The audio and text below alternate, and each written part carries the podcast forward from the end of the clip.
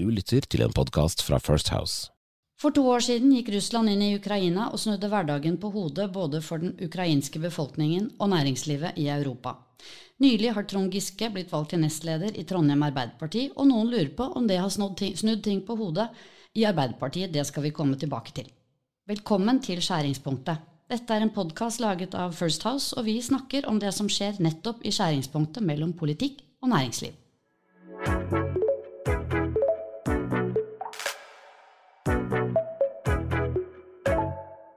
Mitt navn er Cecilie Ditlev Simonsen. Jeg er partner og rådgiver i First House. Og det er de to kollegene jeg har med meg i studio også. Det er Sigbjørn Aanes Ja. og Jon Georg Dale. Hei. Dere, vi skal eh, snakke om eh, krigen i Ukraina, hvordan den har påvirket både norsk industri og næringsliv de siste to årene. Og eh, vi skal snakke litt om hvordan bedrifter kan manøvrere i en stadig mer uforutsigbar geopolitisk situasjon. Men først skal vi til det vi kaller ukas snakkis. Det er jo et av yndlingsinnslagene til lytterne våre.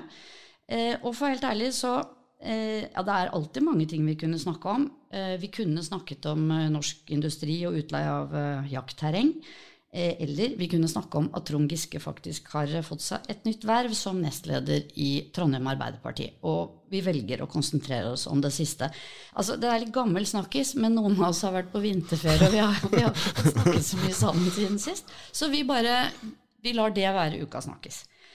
Eh, Trond Giske, noen vil si overraskende comeback, andre vil si at dette måtte vi jo se komme. Eh, hva betyr det at han har blitt nestleder for Arbeiderpartiet og statsminister Jonas Gahr Støre?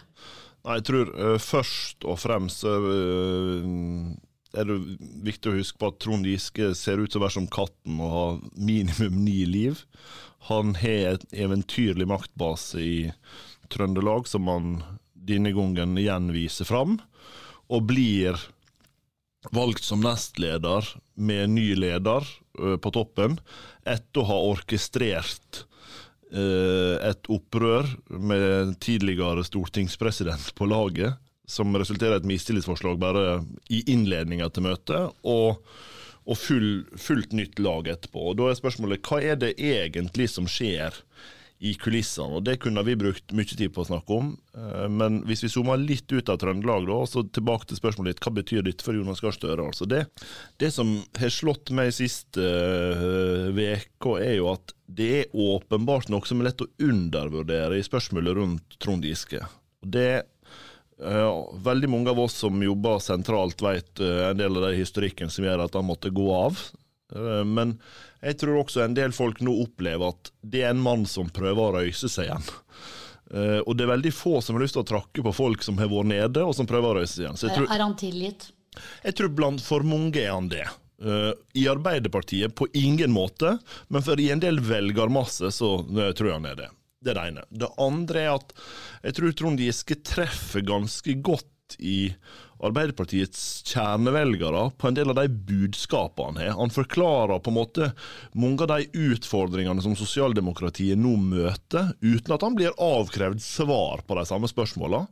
Men han får på en måte lov å problematisere det. Men det skaper det som er det vanskeligste for ethvert parti å håndtere, en indre opposisjon. Og så punkt tre, så er han knallgod på én ting. Og det å håndtere enhver intervjusituasjon, enhver debattsituasjon, og egentlig sette seg sjøl litt på utsida. Og han gjør seg jo i alle debattopptredener nå, så gjør han seg sjøl helt uviktig i dette. Det handler om velgerne, det handler om hva de som sitter nederst er ved bordet skal få igjen. Nei, men det er ikke bare et spill, men Trond Giske vet jo inderlig godt at han er den viktigste faktoren for det opprøret som er drivende her. Så å prøve å sette seg, seg i sin egen posisjon på utsida, det er jo bare tull. For Trond Giske er Trond Giske viktig, og, øh, men han, han argumenterer på en måte som gjør at jeg syns han får troverdighet hvis du bare isolerer det han driver med nå, og jeg tror han treffer en del av velgermassen i Arbeiderpartiet som den sentrale ledelsen sliter med. Og det svarer egentlig på spørsmålet. Det er over tid utfordrende for Jonas Gahr Støre, for han har ikke kontroll på dette opprøret. Men vi bare litt til det som skjedde. Det var altså en, eh, en eh, innstilling fra valgkomiteen var at Marit Selfjord skulle bli nestleder i Trondheim Arbeiderparti. Så foreslår hun å liksom gi fra seg den plassen og bli kall det vanlig medlem. Eh, og så skulle Trond Giske ta hennes plass. Altså, hvordan skjer det? Det var neppe hennes idé, eller? Dette skjer fordi at folk snakker sammen på bakrommet, så det tradisjonelt uh, blir spunnet rundt. Og uh, i dette tilfellet er en helt trygg på at en av de som har snakka mest, har vært Trond Giske. Men er, er, det mer snakk på bakrommet i Arbeiderpartiet enn i andre partier? Nei. Veldig mange av denne type prosesser skjer jo uh, for så vidt åpent gjennom demokratiske partiprosesser, men det er jo samtidig slik at hvis du er tenkt å ta makta på et lokallagsårsmøte, eller som det i dette tilfellet tross alt er snakk om, det er et, selv om det er et stort lokallag, det er et lokallagsårsmøte, eller på et fylkesårsmøte for den del, ja, da må de som er de viktigste interessentene for å samle det flertallet, må naturligvis snakke i lag. Hva, hvor langt kan Trond Giske nå i Arbeiderpartiet? Ja, jeg først og fremst si at jeg er møkkalei av å snakke om Trond Giske etter så mange år. Det, Men derfor har har vært utrolig ja, stille nå. Ja, jeg, bare, jeg, at vi skal sitte og snakke om hva som skjer i Trondheim Arbeiderpartiet, som vanligvis er uinteressant, men så, så er det jo selvfølgelig ikke uinteressant. fordi at dette viser at Giske også kan bli valgt, og det alle lurer på er altså ingen, ingen bryr seg nevneverdig om at han er nestleder i Trondheim Arbeiderpartiet. Det alle lurer på, betyr dette at han også egentlig kommer til å klare nominasjon og bli valgt inn på Stortinget i, fra 25 og bli en del av Jonas Gahr Støre og Arbeiderpartiets gruppe i Stortinget? Hva, hva tror du? Nei, altså det, Jeg tror han har mista en del venner på veien nå. fordi at det er et eller annet, og det er litt sånn klassisk, du, du er i konflikt og krise, og så blir du stående fast der, men etter hvert så begynner jo en del å gå gå videre. Og En del av hans gamle uh, venner har gått videre. De er lei av å holde på med dette hele tida. Uh, men, men, han har jo et godt grep og tak med dette Nidaros Arbeiderpartiet, som gjør at han kan bli nominert og dermed komme inn på Stortinget. Og dette tror jeg aldri jeg skulle si, men stakkars Jonas Gahr Støre. Det har vært mye oppmerksomhet, naturlig nok, om uh, toårsmarkeringen siden invasjonen av Ukraina og krigen. Vi skal eh, snakke litt om den økonomiske effekten av krigen, hvordan den påvirker rammevilkår her hjemme, og litt om eh, hvordan bedrifter og ledergrupper faktisk forholder seg til eh, ja, hva skal vi si, eksterne trusler, som det har vært, eh, vært flere av eh, de siste par årene. Begynte med pandemien også. Eh, Sigbjørn, kan ikke du si litt om hvordan de to siste årene har vært, spesielt da for norske og europeiske bedrifter, og hvordan du ser landskapet i kjølvannet av eh, det som har skjedd? Nei, det, det, Vi så det jo etter, etter Krim eh, i 2014, så fikk vi jo et sanksjonsregime som påvirka en del. Men det er klart at fullskala invasjon gjorde noe med oss. både, jeg si, Én ting er det re, reelle, hvordan sanksjonene påvirker, men, men, vel så mye har det jo vært også det kalde, det mentale. At krig, fullskala krig i Europa påvirker både, både folk og næringsliv. og og si sånn, eh, For mange så, så, så, så viser det jo hvor avhengige vi egentlig er av handel med hverandre. Eh, for, for, med sanksjonsregimer, spesielt på energi, men også selvsagt på andre ting, så har det jo vist hvordan vi henger sammen, og hvor avhengig egentlig Russland har vært av Nei, unnskyld, også europeisk industri har, har, har vært av Russland. Vi har vært rett og slett energiavhengige. Um, men så ser vi nok også at, at, disse sanksjonene har gitt Russland noen fordeler. Altså, de har nok klart seg langt bedre enn en del trodde. Uh, veksten i russisk økonomi i fjor var 3,6% norsk økonomi 0,7 uh, Kina og India plukka opp veldig mye av de ressursene og råvarene. Samtidig så har, også, så har også Russland klart å styrke seg på noen områder. og Det er jo det som blir viktig framover, at vi ikke når vi skal gjøre oss mindre eller energiuavhengig av Russland, at vi ikke blir kalt mat- og mineralavhengig av Russland. For da vil de jo sitte med, med, samme makta framover. Så det er et annet, annet punkt, og det er jo vi ser hvordan både norsk og europeisk industri og næringsliv også har engasjert seg i Ukraina for å bidra med alt fra eh, utstyr og biler og det man kan bidra med, men også eh, for, å, for gjenoppbyggingen av Ukraina. Der er jo eget initiativ i, i Norge med norsk næringsliv for å også bidra når man skal begynne å gjenoppbygge. Så dette har slått ut på en helt annen måte enn vi har sett tidligere. Det forsterker hele denne eh, kan du si, regionaliseringa vi ser der vi skal være såkalt strategiske strategisk autonom, hvor vi skal bygge opp verdikjeder og produksjon eh, nærmest mulig. Akkurat samme som du ser eh, amerikanerne holder på med. Og så tror jeg nok vi skal være klar over at, at uh, dette har også en langsiktig effekt. Det er ikke sånn at hvis det blir fred mellom Russland og Ukraina om et år, så blir uh, Vestens forhold til Russland normalisert ingen europeisk leder kommer til å stole på Putin noensinne noen gang igjen. Eh, sånn at dette, dette forholdet det er ødelagt for lang tid. Men du nevnte selvforsynt, og da kan vi jo snakke om eh, energi. Eh, du var innom mineraler, mat, matvarer. Men er det, er det, denne krigen, denne situasjonen, som har liksom, hatt den sterkeste innvirkning nettopp på den trenden? Ja, nei, det, det, nå er verden kompleks. Eh, og det er klart at vel så mye av det som Jeg vil si det viktigste for dette er jo det vi ser med at Kina i realiteten sitter med makt over veldig mange av de viktigste, både, både råstoff og mineraler og, og, og viktige verdikjeder. Ta hvis vi skal klare det grønne skiftet, hvordan de sitter med makt over produksjoner av solpaneler osv. Så, så, så, så, så den Kina-USA-linken er, er, nok det, det er jo den sterkeste driveren for hvorfor amerikanerne har satt i gang både med, med Aira og andre grep for å få produsert chips og uh, osv. I, i USA. Men for Europa så er det ikke noe tvil om at eh, Russland har, har, skremt europeisk politikk og næringsliv til å ta helt andre grep enn det vi for to år siden trodde skulle vært mulig i, i europeisk kontekst. Hvor lett er det egentlig for eh, bedrifter som da tenker at de skal være mer uavhengige både av Russland og Kina? Det kommer litt an på hva du holder på med, men, men, men eh, eh, vi ser jo at vi er, vi er, i utgangspunktet ganske avhengige av hverandre. Så, så, så, så, er vi jo i ferd med å klare oss ganske godt uten Russland, men det har jo hatt en enorm pris, bl.a energiprisene. Og vi ser jo hvordan det er nok ikke tilfeldig, altså Putin har nok brukt dette også for å, for å splitte altså befolkning i europeiske land. For vi ser jo hvordan energidebatten i Norge også har utvikla seg etter vi fikk disse høyere energiprisene. I Europa er, er, det, er det, ikke noe bedre. Så, så, så det, det, det, har nok kosta ganske mye. Men da synes jeg det er litt interessant å se, fordi hele det geopolitiske bildet vårt har jo endra seg. altså For de av oss som er vokst opp med en generasjon med globalisering og frihandel, der, der det var liksom mer og mer integrasjon som var svaret egentlig på hvordan vi skulle løse en del av disse strukturelle utfordringene vi har. Det grønne skiftet, f.eks. Så nå går det over til at hver region må tenke mer og mer på seg sjøl. Så vi ser at uh, Kina, alliansen Kina-Russland gjør det, vi ser at USA gjør det for seg, og vi ser at det er Europa som, som, blir stående igjen, og antagelig må svare med det samme.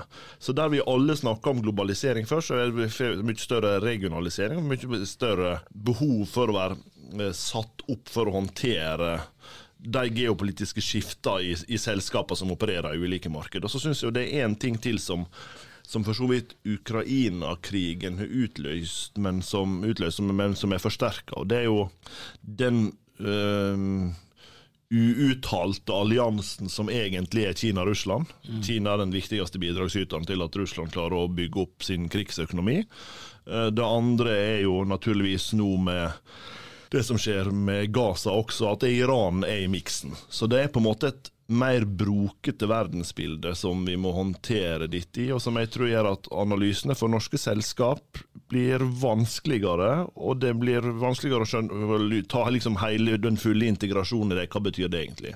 Og da, Det leder meg til et sentralt poeng som reflekterte litt over de siste ukene. fordi nå har vi jo fått en diskusjon kan det bli krig i Norge. Mm. Uh, og Det var litt ulike posisjoner på det, litt ulike uttalelser. Nå prøver han å dempe inntrykket av at det kan det. Og så uh, reflektert litt rundt Veldig mange av oss som sier kan det bli krig i Norge, tenker liksom at russerne kommer susende innover uh, garnisonen i Sør-Varanger. Men det er jo i mange tilfeller nå krig lenge før det. Fordi så, det, det, er en økonomisk krig, det er eh, cyberangrep det, det, er så mange implikasjoner som er sånn foranledningen til krig, som jeg syns er vanskelig å ha oversikt over, og det er vanskelig å fullt og helt klare å gjøre en analyse på hvordan dette bildet rent faktisk ser ut. Og Det tenker jeg er en kjempeutfordring også for norske selskap. Det pre, det, dette, eh, jeg tror da, dette preger diskusjoner i flere ledergrupper i flere bedrifter eh, enn tidligere. Mm. Eh, flere diskusjoner når man har risikoanalyse, som alle seriøse bedrifter har med jevne mellomrom. Flere diskusjoner om geopolitikk, internasjonal politikk Eh, hvordan i all verden skal vi ha kontroll på verdikjeden vår når vi liksom egentlig kanskje skal være mer uavhengig? Vi vil, ikke, vi vil liksom ikke bli spurt om vi har leveranser fra de og de landene osv. Så, videre. så mange flere risikodiskusjoner som går utover risikoer liksom i eget marked. Eh, nettopp av den grunn. Men det er interessant, fordi du har jo sittet i en del konsernledelser opp igjennom. Eh, og det som, det som slår meg nå, og det er et konkret eksempel på det, det er jo diskusjonen som er lett å ha for norsk næringsliv. Frihandelsavtale med Kina. Åpenbart en kjempefordel. Sikkerhetspolitisk kanskje ikke en like klar uh, fordel ved det. Liksom, blir det reflektert rundt dette i det hele tatt i store selskap, tror du? Eh, jeg tror mer og mer, vi vet jo det, for vi, vi, jobber jo med mange ledergrupper, mange bedrifter. Men jeg tror hvis vi skal være ærlige, så ofte så er det liksom en henvendelse fra en journalist eh, om verdikjeden, leveranser, hvilket forhold bedriften din har til de og de landene, som medfører eh, liksom, nye typer undersøkelser internt, nye typer dilemmavurderinger. Eh, jeg tror det, altså. Så, så, det er ekstern bevisstgjøring, mer enn at det er sånn prosessuelt system for dette selskapet? Jeg tror det, akkurat som det har vært det tidligere når vi har hatt liksom spørsmål om skal vi si compliance, om etikk, interne retningslinjer, regler osv. Så, videre, så er det veldig ofte eh, at det, liksom, det, kommer noe kritikk, et kritisk spørsmål eh, fra omverdenen eller fra media, som gjør at man begynner å tenke gjennom hvordan gjør vi det faktisk hos oss.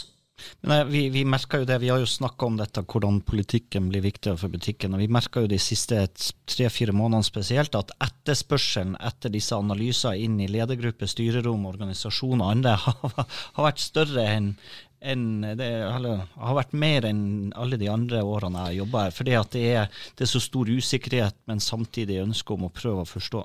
Ja, Spesielt altså, hvis vi går litt ut om Ukraina og litt utenfor man, øh, det skriptet vi har tenkt. ikke sant? Men, øh, har du manus, du? Ja, jeg har manus. Der, her står det eksempel kriseforståelse, har vi det? Og så står det krig i Norge? spørsmålstegn. Uh, så er det langt manus. Men, men uh, litt til Sigbjørn, som jeg vet jeg var veldig opptatt av, for så vidt uh, kan mer enn meg også om Kina-Taiwan-konflikten. Fordi det, jeg tror det er en en, et interessant perspektiv i å forstå hvordan kan en se for seg en løsning i Russland, er, eller Russland-Ukraina. Hvorfor er det å holde stand mot Ukraina så viktig for Vesten, og egentlig sette, ned, sette en grense også med tanke på det? Kan ikke du si litt, litt Sigbjørn, om, om konfliktene der, og hvorfor det er så sentralt? For det første så er jo sant, eh, Det er ikke bare ord det at Ukrainas kamp er hele Europas kamp. For det er klart at hvis vi aksepter, Nå aksepterte vi eh, Putin eh, herja med Georgia. Vi aksepterte Eller i anførselstegn aksepterte når han tok Krim. Og lærdommen nå må jo være at, at han stopper ikke. Sånn at vi er, vi er, vi er liksom, vi vi er faktisk nødt til å stå med ukrainerne.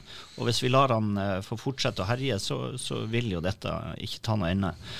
Og Når det gjelder, når det gjelder implikasjonene opp mot Kina Taiwan, for Du nevnte jo også Kina og Russland som nå alliert, men du har jo hele BRIC-systemet. altså Disse ønsker en ny og annen verdensorden.